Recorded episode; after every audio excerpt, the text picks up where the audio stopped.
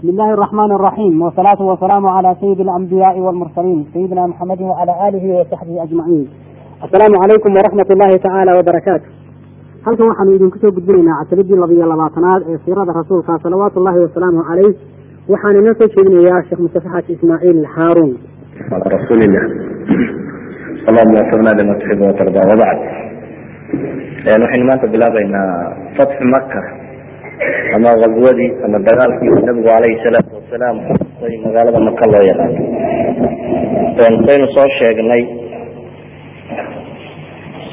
nabigu calayhi salaatu wasalaam wuxuu la galay heshiis nimanka quraysh ah oo sheegayay muddo toban sanadooda inuu dagaalku joogsado.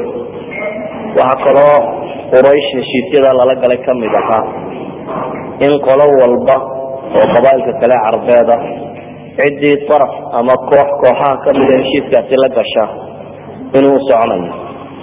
Waxaynu kaloo soo tilmaamnay in nimanka bani bakar la yidhaahda iyo nimanka khusaaca la yidhahdo laba qabiiloo ishayay ahaa inay heshiiska ka galeen labada dhinaca kale. Qolana nebi maxamed caleyhi salaatu wasalaam ay la gashay khusaaca qolana ay raacday quraysh oo quraysh la gashay halkan waxaa dhacay markaas oo qaswada sababteedu waxay ahayd bay dhahdaan culamada taariikhdu sida uu ibnu kaiir can ariiq ibn isxaaq uu ka soo aroorinayo waa sanad laleeya waa xasan lidati waxaa lagu tilmaamaa in nimanka la yidhaahdo quraysh ayaa buriyey cahdigii iyo reer banu bakar marka la isku daro sababtuna waxay ahayd ba lagu tilmaamaa bani bakar iyo khusaaca isdilay. Horta waxaa ka dhexayn jiray taraad horo qabalihi yani laba qabiiloo dagaalo badan hore u soo dhex mareen ayay ahaayeen oo aanooyin hore ay jiraan. Dabeetana nimankii reer bani bakar baa maalin maalmaha ka mid a waxay idhahdeen wallahi nimankii khusaaca waa cidnaynu ka helayna aan weerar ku qaadno. Goor habeenimaha bay weerar ku soo qaadeen baa la yidhaahdaa. Oo ceel la yidhaahdo alwatiir oo ay nimankani ka cabayeen lagu weeraray ilaa iyo laga soo saaray meeshii ay deganaayeen ama ceelkii laga soo bixiyey oo la soo eriyaday oo maka la soo geliyey. Waxaa la yidhahdaa qurayshi rag iyo hub iyo fardamo way ku taageertay qabiilkii reer banu bakar ah hoostay ka siiyeen baa la yidhahdaa hub badan iyo rag iyo waxaasi oo dhan. Walidalik ayaa waxaa dhacay qadiyadaasi markay dhacday ee khusaaca waxay soo qabteen nabiga calayhi salaatu wasalaam nin bay soo direen camar ibnu salim alkhusaaciyi nin la yidhahdo ayaa madiine loo soo diray. Ninkaasi nabiga calayhi salaatu wasalaam buu u yimid. Waxay culamaai taariikh sheegaan. Gabay buu ka hor bilaabay nebiga markaasi. Uu leeya ya rabbi inii naashidun muxammada xilfana wa xilfa abihi latlada qad kuntum wuldan wakuna waalida. Uma taaslamna walam nanzic yada. Gabay buu tirinaya uu leeya ilaahayow waxaan maanta yani munaashada ku samaynaya wax ka codsanaya muxamed waxaanan kaga codsanaya heshiiskii annaga iyo isaga aabihiiba noo dhexeeyey. Waataynu nii reer banu hashim iyo marka horeba heshiis ka sii dhexeeya jira khusaaca. Idinku waxa ahaydeen buu leeya wuldan carruur ba ahaydeen. Wa kunaa waalida anana dhashay baanu ahay oo waxaa la yidhahdaa khusaaca islaana baa dhashay baa la yidhahdaa umu cabdimunaaf ahayd baa la yidhahdaa yani islaan khusaaciyada qabiilkaa ka dhalatay ayuu qabi jiray qusay. Gabay buu soo tiriyey markaasi uu leeyay sidii baanu weli heshiiskii ugu jiraa oo weliba intaa islaamnimana noo dheerto aanu islaamnay buu leeyahay oo wax kaloo haba yaraatee dhibi ma dhicin. Waxaa la yidhahdaa gabaygan markuu nabiga calayhi salaatu wasalaam ka hor tiriyey gabaygu waa gabay kaga waramayo in la weeraray in dhib loo geystay inay heshiiskii ay qolada kale buriyeen inay xilfi wadaag ahaayeen inuu doonayo in loo gargaaro gabaygu noocaa u tirinaya ninkani ninkani gabaygiisii markuu dhameeyey baa la yidhaahdaa. Ayuu nabigu calayhi salaatu wasalaam wuxuu ku yidhi ba la yidhi nusirt ya camar ibnu salim laguu gargaar buu ku yidhi ba la yidhi nabigu calayhi salaatu wasalaam camar ibnu salimow ibnu isxaaqna wuxuu sheegaya nimanka sidii loo laayay in meeshoodii o dhan inta laga soo saaray xaramka la soo gelay oo xataa xaramka lagula dagaalamay. Inkastoo biduuni sanad uu qisada qaybtan dambe ku aroorinayo. Waaqidi oo aan naf badan ku xagga riwaayadda wuxuu sheegaya labaataneeyo. In laga dilay nimankaasi musa bnu cuqba oo isna ka mid ah rijaalu taariikhda makaazigii islaamiga ragga qore wuxuu leeyahay zucamaau quraysh bay ahaayeen buu leeyahy raggii taageerayey oo safwan ibnu umaya iyo shayba ibnu cusmaan iyo suhayl ibnu camar iyo raggaasaa taageerada soo siiyey. Waxaanay ku taageereen buu leeyahay hub iyo addoomo la dagaal gala. Ayuu isna sheegaya muscab ibnu cuqbana biduuni sanad buu ku soo arorinaya cala kulli xaal sanadka xasankee hore un wuxuu sheegayaa inuu ninkaasi nebiga ka dalbaday gargaar isagoo sheegaya dhibtaasi inay ku dhacday dabeetana uu nebigu yihi calayhi salaatu wasalaam waa laguu gargaaraya. Waxaana meesha ka cad qurayshi dhacdadan ay samaysay inuu yahay burin ay burisay mucaahadadii iyaga iyo nebiga heshiiskii udhexeeyey oo xadgudub ay ku xadgudbeen nebigu calayhi salaatu wasalaam dad u xilfi wadaag la laha riwaayaadka qaarkood oo ibnu xajar uu soo aroorinayo uu leeya waa mursal isnaadkiisu saxiix iyo ilaa iyo moxamed ibnu cabaad ibnu jacfar oo loo nisbaynayo irsaalka waxa uu ku tilmaamaya uu leeyahay mursalka sanadka saxiixa wata. Waxay riwaayaadka qaarkood sheegayeen baa lagu tilmaamaya quraysh xataa inuu nebigu calayhi salaatu wasalaam cid u soo diray uu kala dooransiinayo nimanka ay laayeen diyadoodii inay bixinayaan iyo inay bani bakr xilfigoodii inay beri ka noqonayaan iyo inay dagaal doortaan. Yani saddex shay la soo kala dooransiinayo inay diyadii bixiyaan inay nimankaa kaxayaan oo bani bakr iyo dadka kale laisu daynayo ay xilfigaasi taas kaga baxayaan. Iyo inay dagaal doortaan in la soo dooransiiyo waxaa la yidhaahdaa say riwaayaadkaasi sheegayaan waxay dooratay qurayshi qitaalka ama dagaalka laakiin haddana muddo markay joogtay baa la yidhahdaa waa ka warwareegeen. Oo waxay dhahdeen wallahi waa arrin qaldan oo xataa waxaa la sheegay in abu sufyaan ay u direen inuu bal dhexdhexaadin sameeyo. Abu sufyaan inay magaalada madiine u soo direen oo uu madiine yimi oo isku dayay cahdigii inuu dib u soo cusboonaysiiyo oo mucaahadadii mar labaad la sameeyo.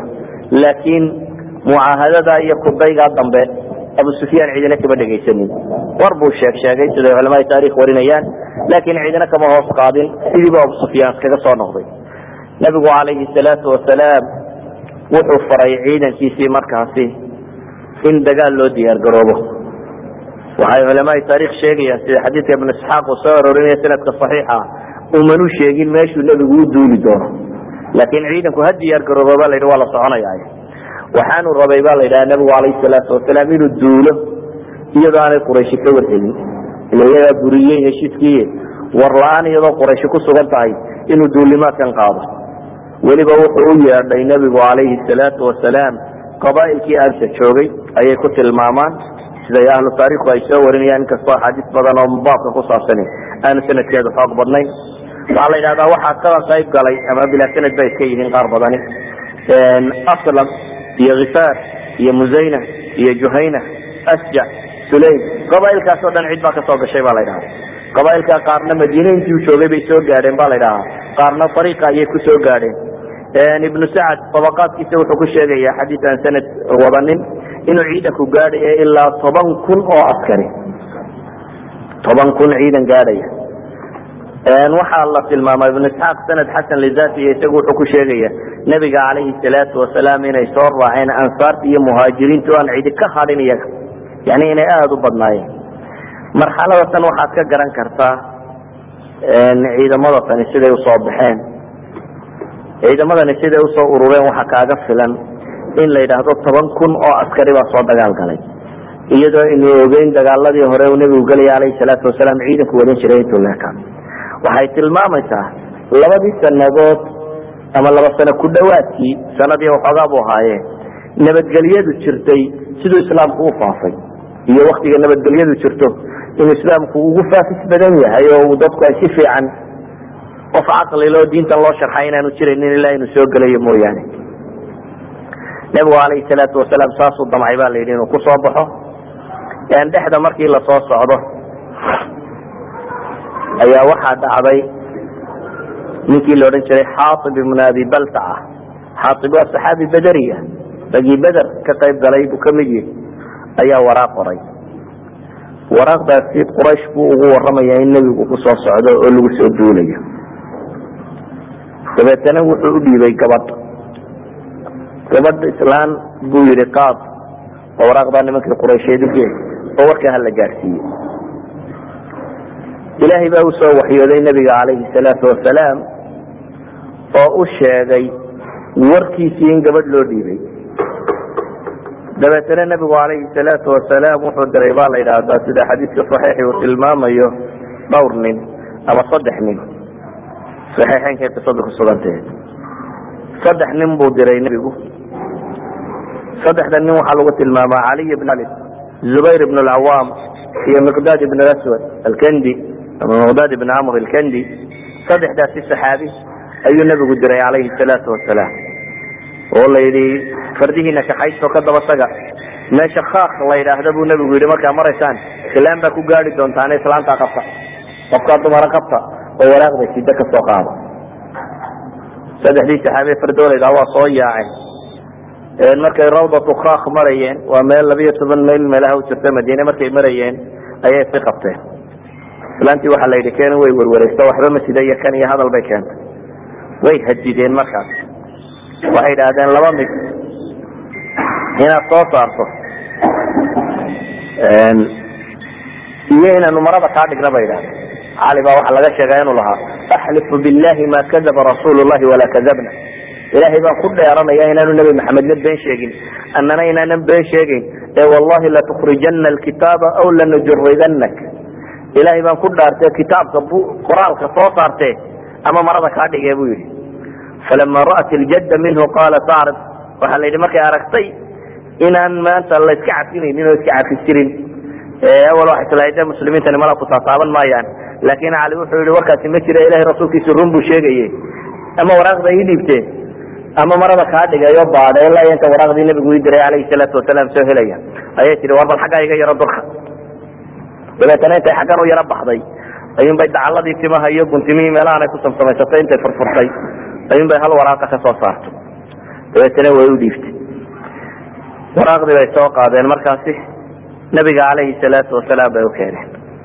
Waraaqdii markii nabiga loo keenay ayaa waraaqda waxaa ku qoran min xaatib min abi baltacata ilaa quraysh. Xaaib baa loo yeedhay oo ka waramaya wuxuu nebigu ku yihi ya xaaib ma hada war xaaibow waxa kani waa maxay buu nabigu yihi alayh salaatu wasalaam? Istifsaar bu weydiiyey. Maxaa kugu kalifay inaad waraaqdan qorta?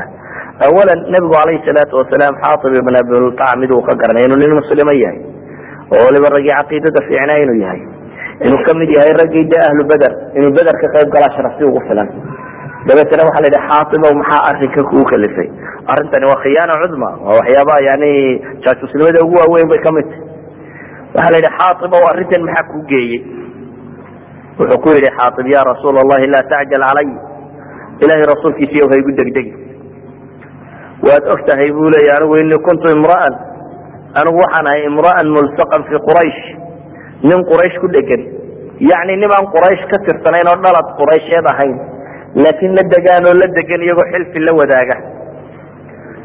Yaqul kuntu xaliifa anigu waxaan ahaa buu leya quraysh kama tirsanayn ee xaliif baan u ahaa. Nin heshiis wadaag la leh. Walam akun min anfusiha. Iyagana kamaan tirsanayn buu leeya dee reer iyo toban caruura iyo xoole iyo waxna wayga xigaan. Muhaajiriinta kale inala socota buu leeyahna dee nin walba reerahoodi iyo qabiilkoodii baa meesha jiro caruurtiisii ama wixiisii cid u ilaalinaysa ama u dhowraysa ayaa maqan oo meesha jirta. Anigana cidiba waxayga ii dhowrtaa igama maqna waxa qaraabo iyo ehel iyo ilaaliyo carruurta iyo xoolea maan lahayn. Marka waxaan tidhi nasabkii markuu idhaafay quraysh yani abaal yar u gal oo adigana lagugu ilaaliyo. Reerki iyo caruurtiiyo intii aan lagaa aan lagaa dhibin. Ee walam afcalhu irtidaadan can diini walaa ridan bilkufri bacda alislam ee arrintan marnaba umaan samayn buu leya ilaahay rasuulkiisiiyow riddo aan diintaydii ka ridoobay ama gaalnimo aan ka raalli noqday islaam dabadeed marnaba umaan samaynin. Yani wuxuu leeyahay waxaan islaamin yaroo nebi maxamedna aan waxba yeelaynin. Adigana carruurta kuu badbaadisa un samee. Umana kumana tala jirin haba yaraatee inaan diintayda ka baxo ama wax yeelo. Waxaa la yidhahdaa cumar baa markiiba soo boodo yihi dacnii ya rasuul allahi adrib cunuqa kan ilahay rasuulkiisiiyo igu siidaan madaxa ka gooye. Fainahu qad khana allaha warasuulah ilahi iyo rasuulkiiba kani waa khiyaameeye waqad naafaqa. Waa munaafiqoobay kaniya igu siidaa bu yihi waxaa la yidhi nabigu alayhi salaatu wasalaam wuxuu ku yidhi ama anahu qad sadaqakum. Run buu idin sheegay buu nabigu yihi alayh salaatu wasalaam.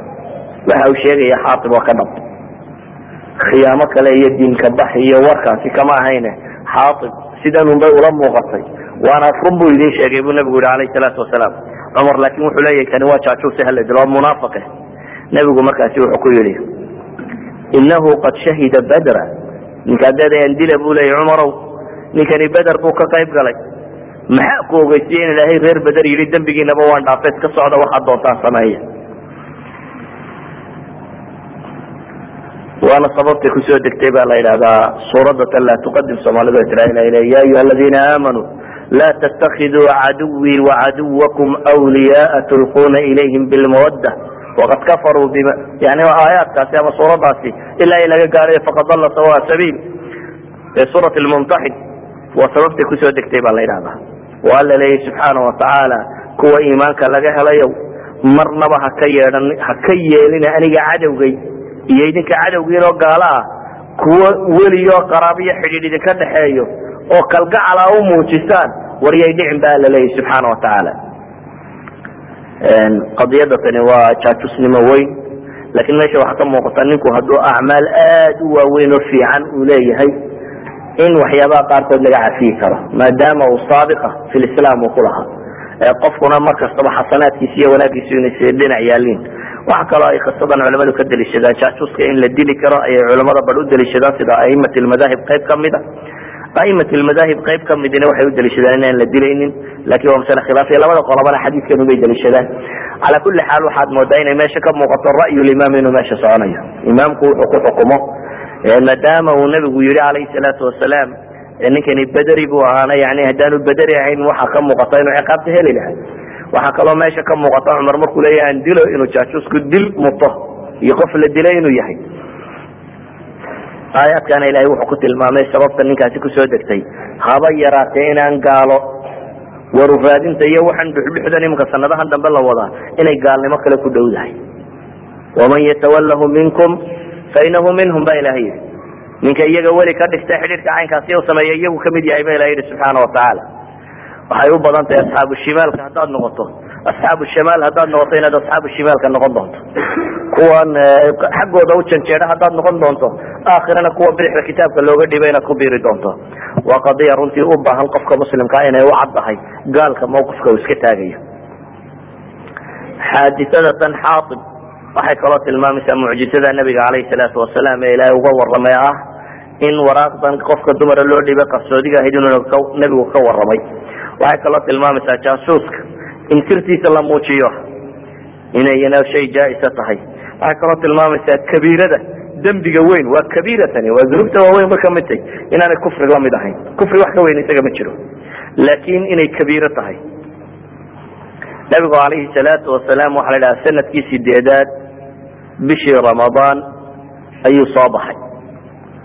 Dadka muslimiintiina iyagoo sooman ayaa ciidanku soo dareeray waxaa la tilmaama markuu nebigu soo gaadhay kudayd meel la yidhaahdo waa ilbiyado maka ilaa lix iyo soddon kilo u jirta kilomitr maka u jirta lix iyo sideetan kilomitr meelahaasi.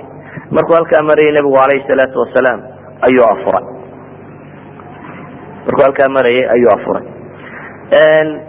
Magaalada madiine waxaa la yidhaahdaa wuxuu madax uga soo dhigay abaruhm ninkii la jiray abaruhm alghifari saxaabi la odhan jiray oo magaciisa la yidhaha kulthum ibnu xusayn alghifariy sa ibnu isxaaq sanad xasan lidati iyo ku soo aroorinayo. Xaafid ibn xajarna uu tasxiixinaya ninkaas magaaladana madax uga soo dhigay. Nebigu calayhi salaatu wasalaam iyo ciidankiisi way soo socdeen. Ilaa iyo meesha la yidhaha mar dhahraan ay soo gaadheen. Iyadoo aan haba yaraatee marway dhahraan waxay yimaadeen. Iyadoo aan ilaa hadda wax wara oo ay ka haysta aanay jirin ayuu nebigu calayhi salaatu wasalaam soo gaaray. Waxaa la yidhahdaa waktiga uu halkaa nebigu soo gaadhay markay toban maalmood ramadaan tagsanayd buu nebigu madiine ka soo baxay ba la yidhaha alayhi salaatu wasalaam. Makana sagaal iyo tobankii uu soo galay sida mashhuurka ama caanka ah. Laakin riwaayaad kalaa soo arooro qaar saddex iyo toban sheegay qaar lix iyo toban sheegay qaar toddoba iyo toban sheegay qaar sideed iyo toban sheegay.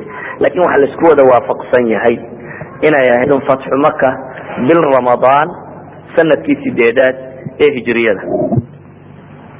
Dhexda markuu soo socday nebigu calayhi salaatu wasalaam wuxuu la kulmay dad ka mid ah zucamadii quraysheed ee waaweyneyd oo islaamay.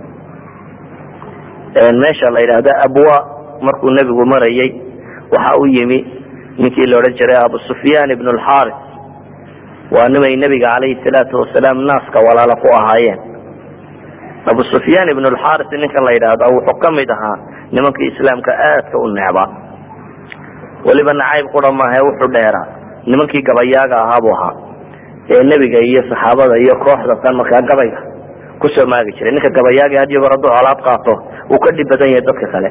Oo dee wuu ka afbadan yahay oo waxan buu akrinaya marka abu sufyaan ibn lxaris maaha abu sufyaan ibn xarb kan waa abu sufyaan ibn lxaris oo nebiga ay naas nuugooda la ahaayeen. Wuxuu ka mid ahaa nimankaasi nebiga calayhi salaatu wasalaam soo dhibayey ragga iyaguna nebiga soo dhibi jiray calayhi salaatu wasalaam ee aadka u badnaa waxaa ka mid ahaa cabdillaahi ibnu abi umaya ibn lmugiira labada ninba way islaameen. Labada ninba way islaameen weliba ninkan abu sufyaan la yidhaahda dee labaatan sanadood in ka badan ayuu nebiga calayhi salaatu wasalaam dagaalka kula jiray. Laakiin wuu islaamay. Islaamnimadiisuna way fiicnaatay. Waxaanu ka mid yahay ghaswada dambe aynu tegi doone ghaswatu xunayn la yidhaahdo.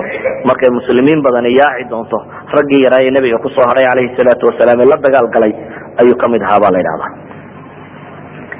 dee gabay dheer oo islaamnimadiisa ku baa jiro saxiixu muslimka ku yaalla cabdillaahi ibnu abi umaya ninkan la yidhaahdo isagu umu salama ayuu xagga aabbo walaala kala yihi umu salama waa min umahaati lmuminiin waa haweeney uu nebigu qabay calayhi salaatu wasalaam haweeneydaasla aabbo walaala ka ahaayeen.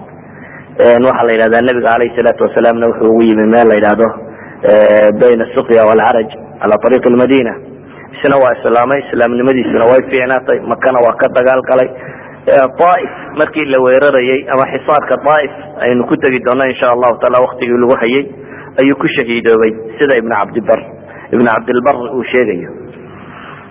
Juxfa meesha la yidhaahdo oo raabiq meeshan hadda la yidhahdo u dhow markuu nebigu maraya calayhi salaatu wasalaam juxfa ayaa isna waxaa ka hor yimi alcabaas ibn cabdilmualib oo soo hijroodo isagu muhaajira. Nabiga adeerkii cabaas ibn cabdilmualib la yidhaahdo oo muslima oo soo hijrooday. Cabaas ibn cabdilmualib waxaa lagu tilmaamaa inuu islaamay qabla fatxi khaybar sida uu odhanayo ibnu kahiir uu leeyahay sanad calaa sharti shaykheynay ku soo arooreen riwaayaad iyagu daciif oo aan waxba xoog badnayn ba waxay sheegaan inuu islaamkiisu qabla beder bu ahaa qaar baabale beder dayo qabla alhijra buu ahaa laakin kuwaasi ma cadda waxaanu ka mid ahaa maxaabiistii beder la qabtay fidyada laga qaatay. Waxaa ka muuqataa nebiga ha u gargaaro waayadii horeba isagoo gaala. Oo ataynu lahayn markuu nebigu soo hijroonayaba isagoo aan islaam ahayn buu nebiga la socday isagoo hubinayay. Waayo reer banu hashimiinta ugu badan le abulahab iyo midhadhka marka laga reebo mooyaane. Waxay ahaayeen nebiga calayhi salaatu wasalaam maciisa calaa kulli xaal cabaas ibn cabdilmualib isaguna isagoo muhaajira oo muslima ayuu meeshaasi nebiga kula kulmay meesha la yidhahdo marwi dhahraan markuu nebigu maraya calayhi salaatu wasalaam ayuu ciidankiisii joojiyey. Akhbaartii quraysh qurayshna ilaa hadda aanay wax akhbaar haynin waxaa la yidhaha abu sufyaan ibnu xarb iyo xakiim ibnu xazaam iyo budayl ibnu warqa alkhuzaaci saddexdaa nin baa maka ka soo baxay oo waraadisa bal raba sida waxu jiraan iyo wax inay soo helhelaan culamada taarikhda qortaa waxay sheegaan saddexda nin oo waraadisa inuu la kulmay inuu la kulmay cabaas ibn cabdilmualib oo isna ciidankii muslimiinta oo meesha jooga bay yidhahdeen bu dameer yaroo cadow nebigu fuushanaa buu ka kaxaystay dabeetana xagga horuu maray. Cabaas iyo qoladan baa kulantay bay yidhahdaan cabaas wuxuu raadcaynaya ba la yidhahdaa bal inuu helo cid quraysh ka mid ah oo uu la hadlo yidhaahdo war waa laydin hayaaye nebiga heshiis la galo dagaal iska daaya faaidi maysaan cid sulxi la gasha la kaalaya. Inta aanu maka idinku soo gelin. Abu sufyaan iyo labadiisii saaxiibe la socday xakiim ibnu xazam iyo budayl ibnu warqa labada nin ee la socday ayaa ciidankan muslimiinta ayaa ciidamada iyo arrimahooda iska warwareysanayeen waxaanay umaleeyeen budayl ibnu warqaba waxau yidhi war waxaasoo ciidana meesha soo degay waxaan u malaynaya reer khusaacaynayeen qabiilkii yara ay islaayeen taasi waxa ay tilmaamtay yani say muslimiintu u guulaysteen xataa ciidankan dabkiisa muuqdo. Inaan war laga hayn oo la garanaynin cidda uu yahay. Cabaas baa markaa u sheegay oo wuxuu hi war meeshan waa ciidankii muslimiinta kuwa jooga. Waxay weydiiyeen maxay kula wuxuu yihi abu sufyaano adiga ina keen. Magangelyo aan ku siiyo. Ciidanka muslimiinta u tag dee nebiga la hadal alayhi salaatu wasalaam oo heshiis la gal waxaa la yidhahda abu sufyaan baa aqbalay abu sufyaan baa soo raacay ciidankiibuu soo dhex mariyey bay sheegaan waa akhirkii aduu nebigu u yimi alayhi salaatu wasalaam isagoo abu sufyaan wada abu sufyaan markii nebiga loo keenay nebiga alayhi salaatu wasalaam hadal dabaacsan baa lagula hadlay islaamnimaa loo soo bandhigay islaamnimadii wuu ka taraduday abu sufyaan. Inuu islaamo waa ka yaro werwareegey dabeetna cabaas ba waxaa la yidhi kaxeeyo caawana bal adiga khaymadaas ha u hoydo. Daroorta keen. Habeenkii halkii buu isaga hoyday. Subaxii labaad baa la keenay. Islaamnimadii baa loo sharxay. Abu sufyaan ibn xarb markaasuu islaamay. Waa qaaidkii quraysh ugu weynaa ee dagaalka ku soo jiray muddadaasi dhowr iyo labaatanka sanadood ama koob iyo labaatanka sanadood cagcagaynaysa waxaa kaloo cabaas soo tusay ba la yidhi ciidankii muslimiinta. Tiradoodu intay leegtay dee toban kun oo askariyo meel degan ayaa la soo tusay. Weliba waxaa la yidhaahdaa isticraad bay ciidamada muslimiintuna sameeyeen oo way bandhig ayaa lagu sameeyey. Abu sufyaan ciidamadiibuu daawaday.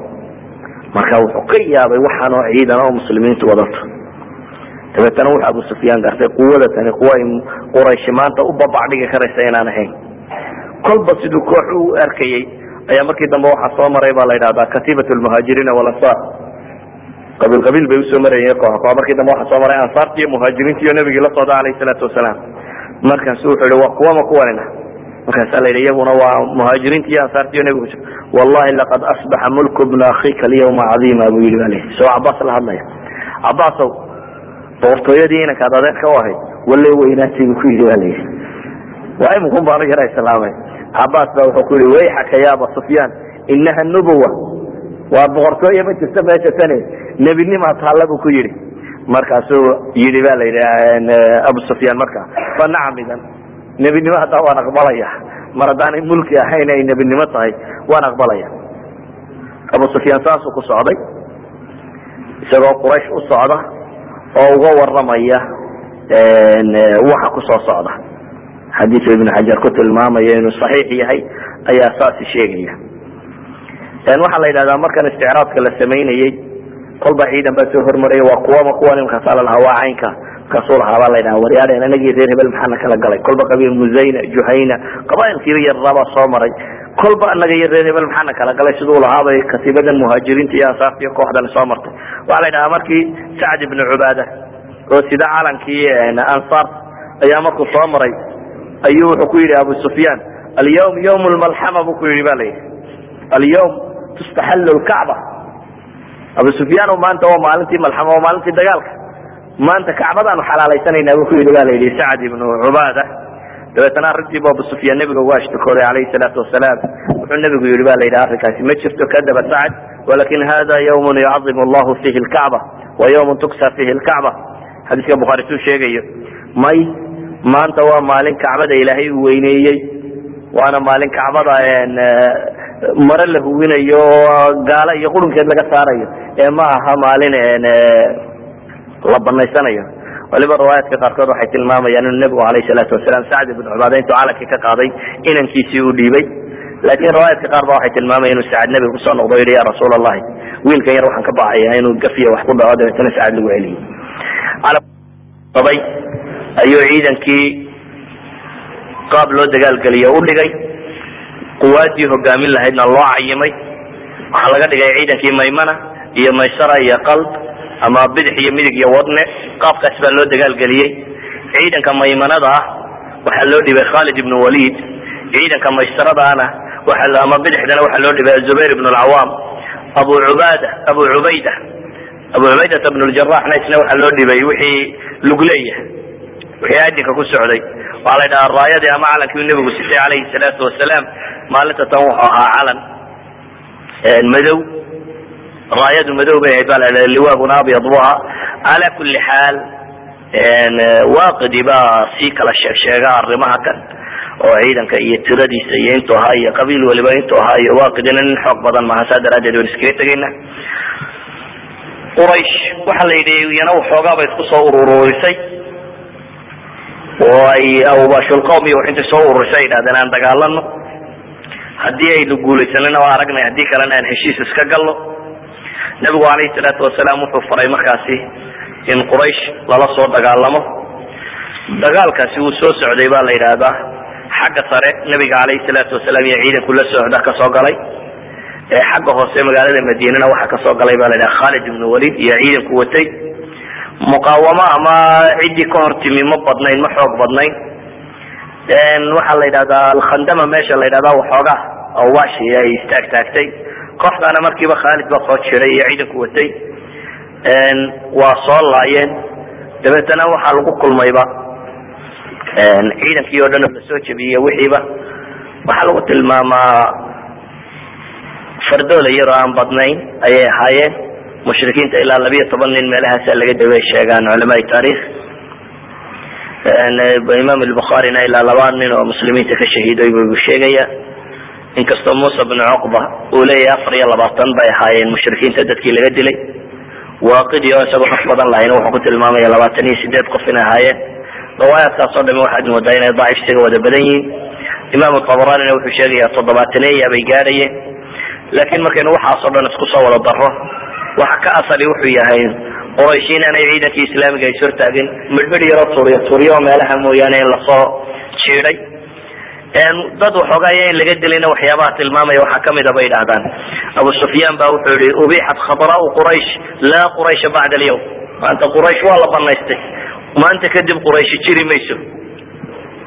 Waxaa la yidhahdaa nabigu alayh salaatu wasalaam maalinta wuxuu yihi man dakala daara abu sufyaana fahuwa aamin war maanta ninkii guriga abu sufyaan galaa waa nabad galay. Ninkii albaabkiisa hoosta ka xidha waa nabad galay. Dabeetana saas bay dadkii uu intii dambe nabigu alayh salaatu wasalaam magangeliye siiyey waxoogaga yare hore meelahaasi lagu soo dilay mooyaane. Nabigu alayh salaatu wasalaam markuu sida tan u galay waxaa la yidhahdaa ansaartii waxay ka yara cabsatay. Inuu nabigu alayh salaatu wasalaam markuu ka qabsaday ammaankana siiye caynkan inuu iska degi doono. Dabeetana arrintaas bay nebiga uga cabsadeen inay dhacdo. Waa maalintuu nabigu kulaha alayh salaatu wasalaam almaxya maxyaakum wlmamaatu mamaatukum. Ansaari hawarwarina geeriya walba xaggiinaan ahay buu nabigu yihi alayh salaatu wasalaam. Maka joogi maayo geeriya nololba? Idinkaan idinka tirsanahay buu nabigu yihi alayh salaatu wasalaam. Waxaa la yidhaha maalinta nabigu alayh salaatu wasalaam ciidankiisa wuxuu ku siiyey amar ah.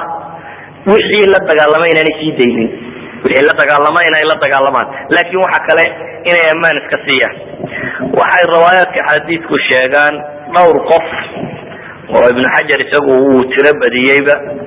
Dhowr qof oo uu nebigu alayhi salaatu wasalaam iyaga yidhi kooxdaa haddaa heshaan hadday ku duuduuban yihiin kacbada maradeeda hadday haystaan dila buu nebigu ku yihi kuwa ayaga waxaa ka mid ahaa baa la yidhahdaa afar nin iyo laba gabdhood oo uu nebigu yihi haddaa kuwa ku qabataan xataa kacbada iyagoo ku duuduuban maradeeda iyo idinka baxsane. Afartan nin waxaa ka mid ah cikrama ibn abi jahl ninkii la odhan jiray. Waxaa ka mid ah cabdillahi ibn khatal waxaa ka mid ah maqis ibn sababa waxaa ka mid ah cabdillahi ibn sacd ibn abi sarx. Afartan nin waxaa lagu tilmaamaa ninka la yidhaahdo cabdillahi ibn khatal oo waxaa la sheegaa inuu markii hore soo islaamay dabeetana inuu muslimiinta qof kamida intuu dilay inuu ridoobay oo dib u soo cararay nabiguna alayhi salaatu wasalaam kooxda wuxuu yihi haddaa qabataan iyaga hasii daynina ka waa la dilay ba la yidhi isagoo kacbada ku duuduuban. Ninka maqis bnu sababana suuqa makaa laga helo isna waa la dilay ba la yidhi. Laakiin labada nine kale cikramata bn abi jahl isagu raggii baxsaday. Ee makaba ka cararay buu ka mid ahaa. Isaga iyo cabdillahi bn sacd bn abi sarx ninka la yidhaahdo ee markii dambena nebiga calayhi salaatu wasalaam inta u yimaadeen islaamay bay ka mid ahaayeen. Labada nin markii dambena iyagu way islaameen xaafid ibn xajar isagu wuxuu soo ururiyey ba wixii dad uu nebigu yidhi dhiigooda waa hadur wixii uu dadku xukumay ama markan ha ahaato ama mar kale ha ahaatee waxaanu ku tilmaamaa ilaa sagaal nin iyo sideed dumar ay dadkaasi gaadhayeen. Dadka kan iyagu waxay dembi gaaray sii galeen oo dadka muslimiinta dhib gaar oo kale oo ay ku sii hayeen oo tiro badan maalintan wuxuu kaloo nebigu alayhi salaatu wasalaam faray baa la yidhahdaa nimankii reer khusaaca reer bani bakar markii hore maka la furtay ka arsadaa la yidhi. Oo idina dagaalka dhankiina ka wada laakiin waxaa loo ogolaaday arsigoodu ilaa galabnimada inuu ahaado waxaad dagaalka sii wadi kartaan ilaa casarka casarkasi hadday gaadho dagaalka waa inaad joojisaan. Waayo waa nimankii hore qadarka laga galay weeyaan khiyaamada lagu sameeyey casarkii markay gaadhayna nabigu alayhi salaatu wasalaam wuxuu ku dhawaaqay inaan cidna dambe la dili karin. Khusaaciyiintii niman ka mid a ayaa nin dilay. Dabeetana ninkaas waxay ku tilmaamaan culamadu inuu nebigu xadiis imaamu axmed uu warinayo sanad xasana inuu nebigu alayhi salaatu wasalaam diyadiisii bixiyey.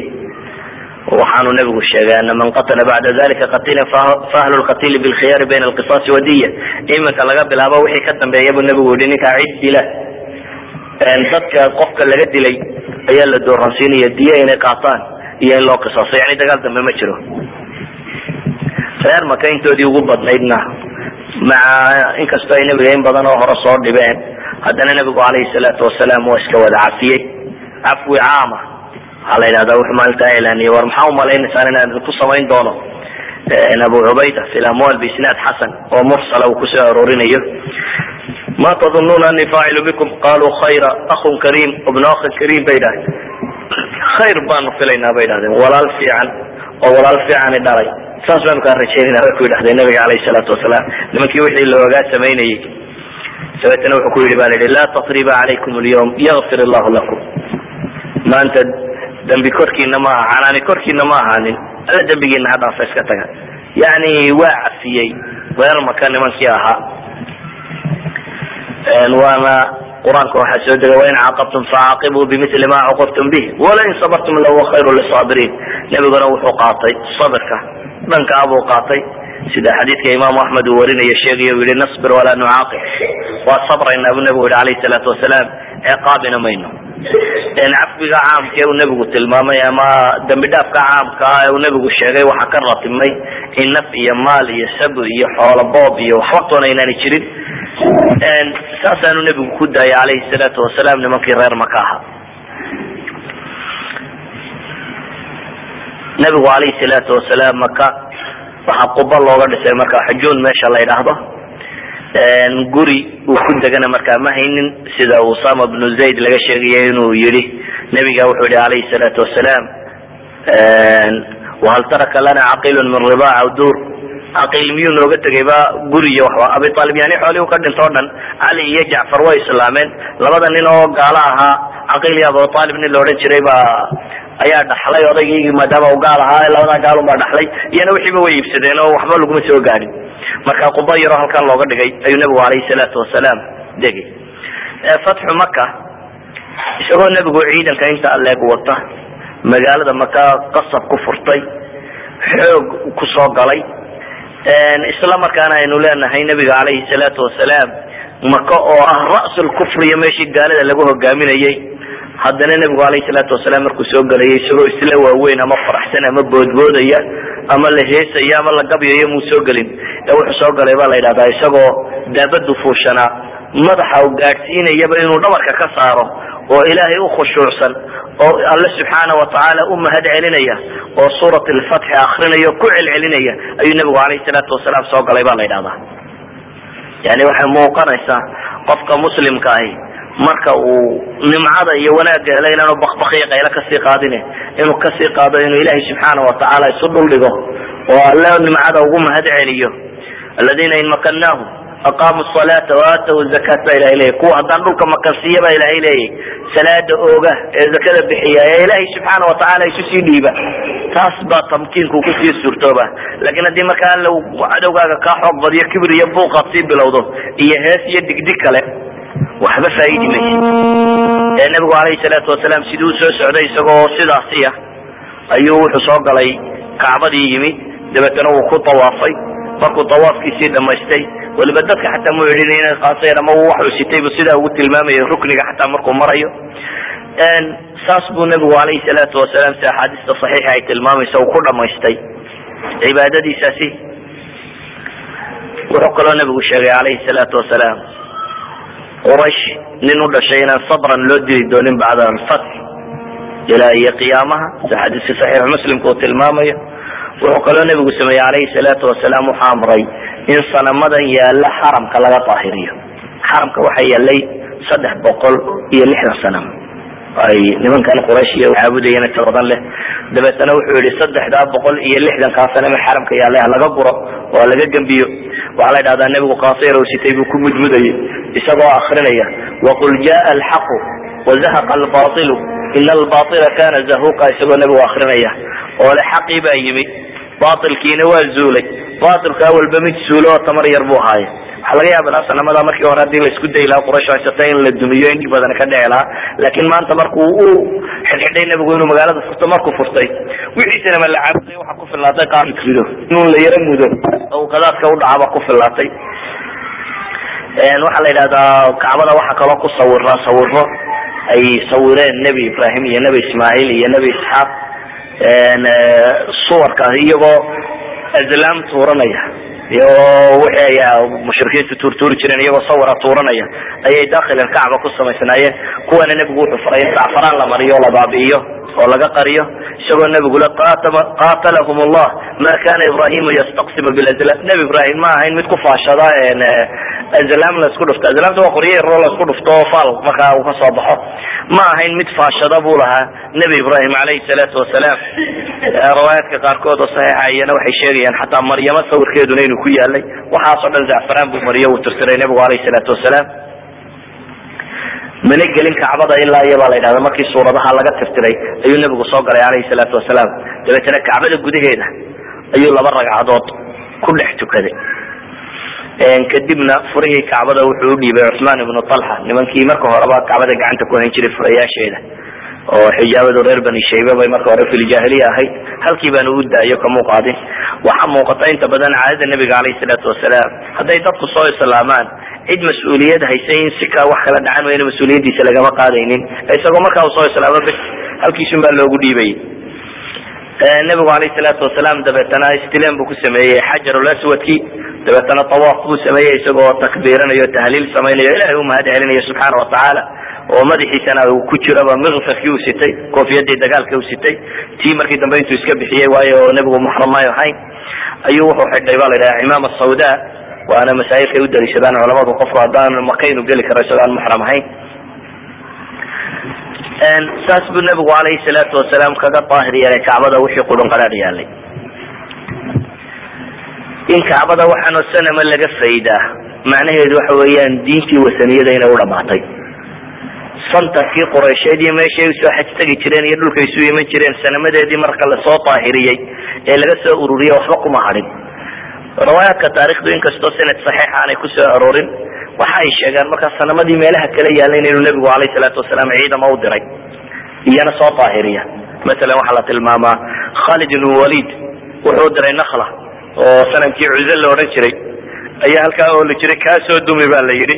Camar ibnu caas wuxuu nabigu u diray ba la dhaha sanam ay huzay lahayd. Saciid ibnu zayd alashhali wuxuu u diray ba la dhaha manat waa kuwan qur'aanku sheegaya afara'aytum llata wlcuza wamanata halitata ukhra. Waa sanamadaas ba la yidhahda baa raggaa loo kala diray oo mid walba la yidhi sanamkoodii soo baabi'i. Kuwaana markiiba waa la soo baabi'iyey waxaad moodaa jaziirada in laga dhamaynayo wixii sanamo iyo qurunqaraar yaalay oo dhan. Fatxu maka sababteedaanay ku soo degtay aayaadkan qur'aan ilahay leeyahy ida jaa nasr llahi wlfatx wara'ayta annaasa yadkhuluuna fi diin illahi afwaaja fasabix bixamdi rabbika wastakfirhu inahu kana tawaaba ilahay leeya haddii alle nasrigiisu kuu yimaado iyo furashadiisu oo aad aragto dadkiio diinta markaa koox kooxu soo gelaya ilaahay isaga tasbiixso oo dhaaf ilaahay weydiiso ilahay baa dhaaf badane waayo carabi waxay eegayshay qurayshi waxay yeesho qurayshi hadday islaamto ama laga xoog bato macnaheedu waxa weeyaan carab dee war damba kuma hadhin. Maadaama carab laga xoog batay oo dad ka mid a islaamtay macnaheedu waxa weeyaan waa dhacdo aada u weyn oo isbeddel ku samaysay jaziira alcarabiya o dhan. Waayo waxaan madaxa laga jaray waa raasul kufrigii waa gaalada ciddii ugu waaweyneed waxaan madaxa laga jaray. Carab oo dhami waxay u soo xaj tegi jirtay ama iman jirtay meeshan qurayshi joogto. Qurayshi marka hadday islaamtay macnaheedu waxa weeyaan inaanay hadhin. Wax badan oo kaleo la tilmaama qisaska ku saabsisan fatxu maka runtii waa iska soo koobaynaa nabigu calayhi salaatu wasalaam dhowr khudbadood buu akriyay baa la yidhahdaa intii uu joogay maka maalintii hore khudbad ayuu ka akriyay ba la yidhaha calaa baabi lkacba khudbada hore wuxuu kaga warramay nabigu alayhi salaatu wasalaam qofka khata loo dilo shubho camdiga ah. Nabarka waa looga kasay laakiin in kow lagaga siiyo looma looma dilin khataa shubho camdiga qofka lagu dilo iyo diyadiisa in bol halaad oo afartan ay riman tahay oo caynkaas in laga qaadayo ayuu sheegay nabigu alayhi salaatu wasalaam. Wuxuu kaloo maalintaasi dumiyey nebiga uu yihi maatir ljahiliya iyo wasaaraataha? Wixii jaahiliyada lagu kala sarayn jiray ama lagu kala qaadan jiray iyo wixii isdilkood waxaasoo dhan waxaanu soo reebay siqaayat lxaaji sadanat lbayt ciddii haysatay in loo daayo khudbadii labaad ee uu nebigu jeediyey alayhi salaatu wasalaam wuxuu iyadana ku buriyey wixii xilfiyo iyo heshiisyo qabailku ay isku taageerayaan ee dulmiye jiray oo dhan. Wuxun bu yihi waxaa hadhaya wixii xilfiya ee ku saabsibnaa xaqa in loo gargaaro iyo riximka xidhiidhisiisa wixii ku saabsiisnaa. Khudbadii saddexaad uu nabigu jeediyey alayhi salaatu wasalaam iyana wuxuu kaga hadlay ba la yidhahdaa maka iyo inay xaraman aaminan tahay inaanay banaaneyn in ugaadheeda la dilo geed la jaro waxdeeda in la gooyo wixii ku dhex luma in la qaato dagaal in lagu sameeyo inaanay banaaneyn isagoo qura in ilaahay saacad u baneeyey waktigii fatxu maka wuxuu khudbada kale nebigu ku cadiyay alayhi salaatu wasalaam hijra inaanay jirin la hijra bacda alfatx markii maka la furtay kadib hijro dambo dadku maka uu ka hijroodo madiine uu hijrooda inaanay jirin. Lakin jihaadun wa niya wixii hadda ka dambeeya u yahay in la jihaado iyo niyo fiican in la yimaado. Waayo dee makiba waxay noqotay maxay? Daaru islam maxaa looga hijroonaya markan? Islam baa ka talinaya. Waxa uu nabigu alayhi salaatu wasalaam muslimiinta bayca ama heshiis kula gelayay bacda alfatx wixii ka dambeeyey islaamnimo iyo iimaan iyo jihaad kulamu geli jirin baycada markii dambe hijro iyo inay soo hijroodaan. Khudbadii afraad wuxuu nabigu kaga hadla la yidhaha alayhi salaatu wasalaam ana man qutila lahu qatilun ninka laga dilo cid inuu xaq uleeyahy in la kala dooransiiyo in uu qisaas qaadanayo qofka loo dilayo iyo inuu mag qaadanayo inuu isagu xaq uleeyahy axkaamtaasoo dhami waxay si fiican loo cadcadeeyo ay soo degtay waktigaasi lagu jiray fatxu maka waxyaabaha fatxu maka laga faa'iida waxaa ka mid a qofku safarka markuu ku jiro inay u bannaan tahay inuu soomo iyo inuu afuro labadaba. Hadduu musaafir yahay oo safarku fi gayri macsiya uu yahay labaduba inay u bannaan tahay. Sidii aynu ku soo marray inuu markuu kudayd meesha la yidhahda marayo nabigu alayhi salaatu wasalaam afuray. Waxyaabaha fatxu maka laga faa'iida waxaa ka mid a markii uu nebigu magaalada furtay wuxuu yimi gurigii umuhani gabadhii la odhan jiray ilmaadeerka ahaayeen dabeetana sideed ragcadood oo fudfudud buu ku tukaday. Oo ay culamada bad ku tilmaamayaan waa sunna muakada waana waxa loo yaqaano salaat duxa culamada aan rumaysnayn salaatu duxuna ay ku tilmaamayaan inay tahay salaadu shukran lilahi subxaana watacaala ama salaat lfatxi markaad dul furatay alla uu kuu gargaaro in sidaasi oo kale loo tukanayo waxay tilmaamaan fatxu maka waxyaabihii uu nabigu alayhi salaatu wasalaam axkaamtu sheegay waxaa ka mid ah. Axaqu lmusaliin bilimaama dadka mu'miniinta qofka tukinaya imaamka u noqonaya inuu noqonayo. Aktaruhum xifdan lilqur'an qofba qofku qur'aanka uga xifdi badan iyo uga fiican yahay inuu noqonayo dadka imaamkooda. Saxaabadiina de waxa la yaqaana ninka qur'aanka xifdi badan leh dee cilmiga kalena isagaa u badnaa. Sideenan ma jirin un qur'aan kuro inta la xifdiyo qofka aan wax badan ba garanaynin ee nin qur'aan xifdisani dee caalim laga daba odhanin ayuu ahaa. Ayan kan ninka qur'aanka xifdisana xifdigiisa ilaalinaya wuu ka imaamnimo fiican yahay ama uu kaga roonya imaamnimada cid kale oo dhan.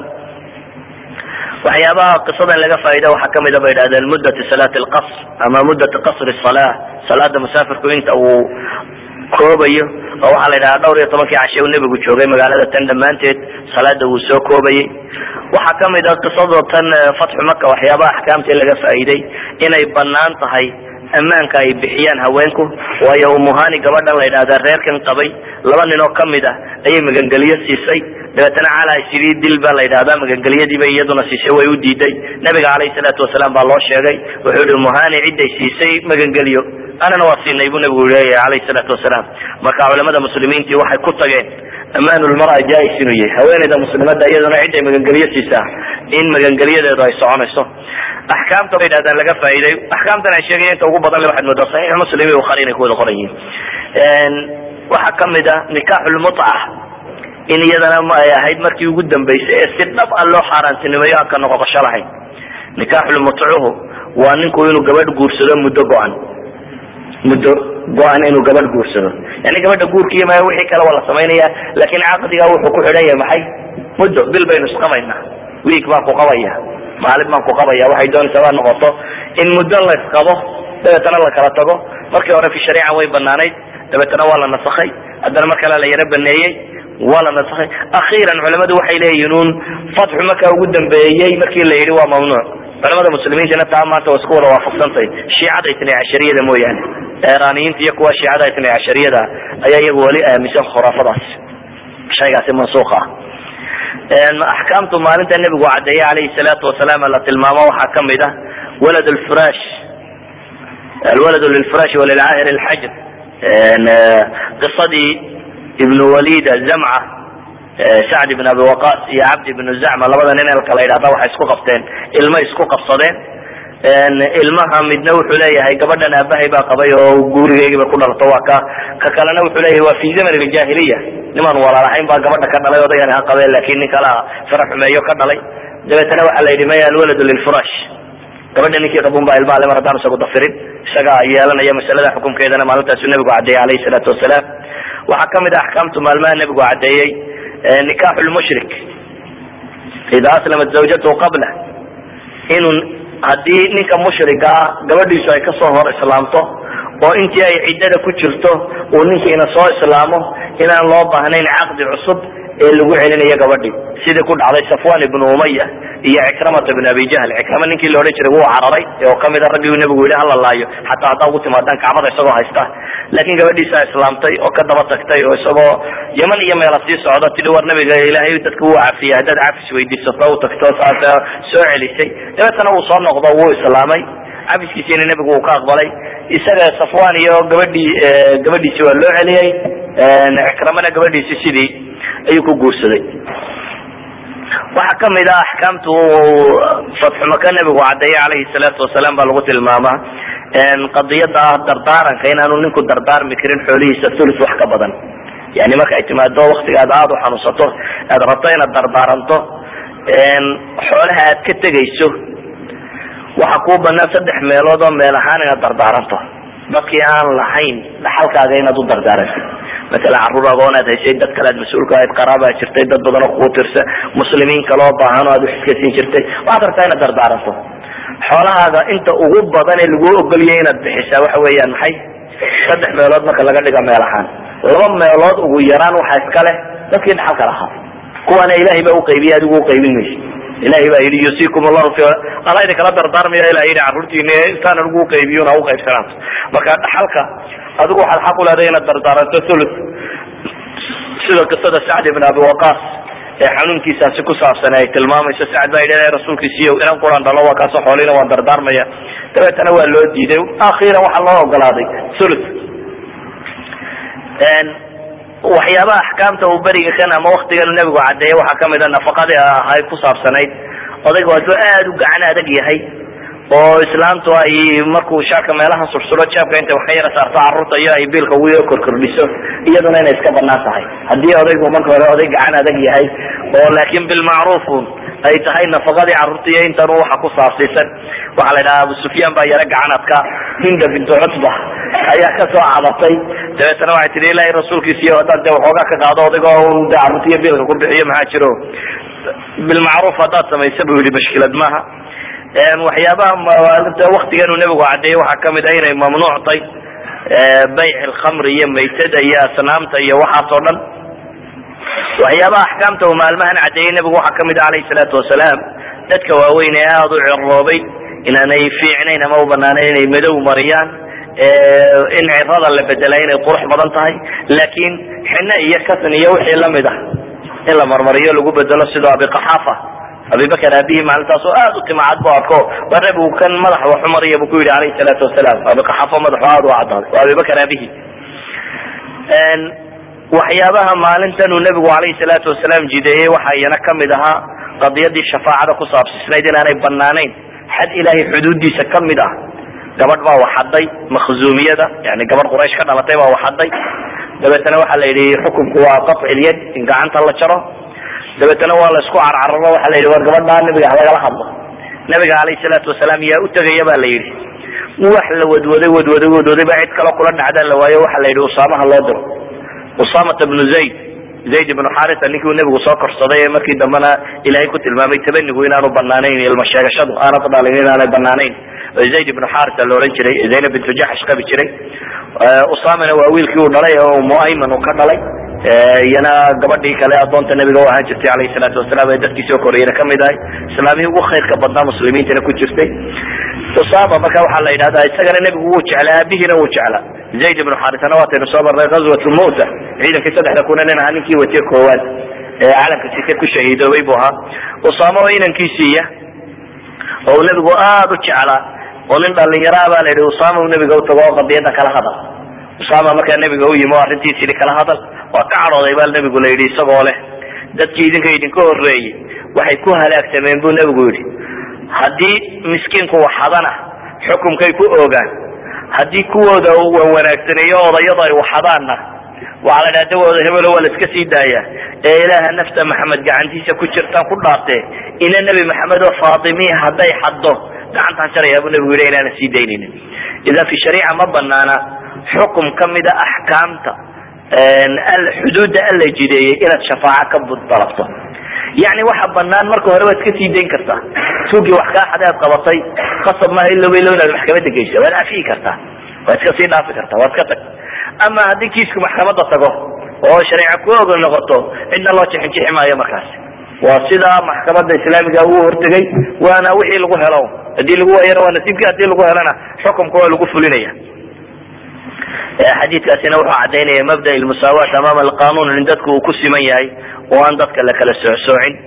Runtiina axkaam aada u tiro badan baa lagu tilmaamaa in fatxu maka ay ka ratibantay laakin waxa ugu weynuun aynu odhan karnaa waxa weeyaan in islaamnimadii ay guulaysatay oo qalcadii kufriga ugu weyneyd ee jaziira alcarab ku taalay inay gacanta islaamka soo gashay sanamad iyo wixii la caabudi jiro o dhanna in la tuuray. Maanta halkaasaynu ku joojinayna wallahu aclam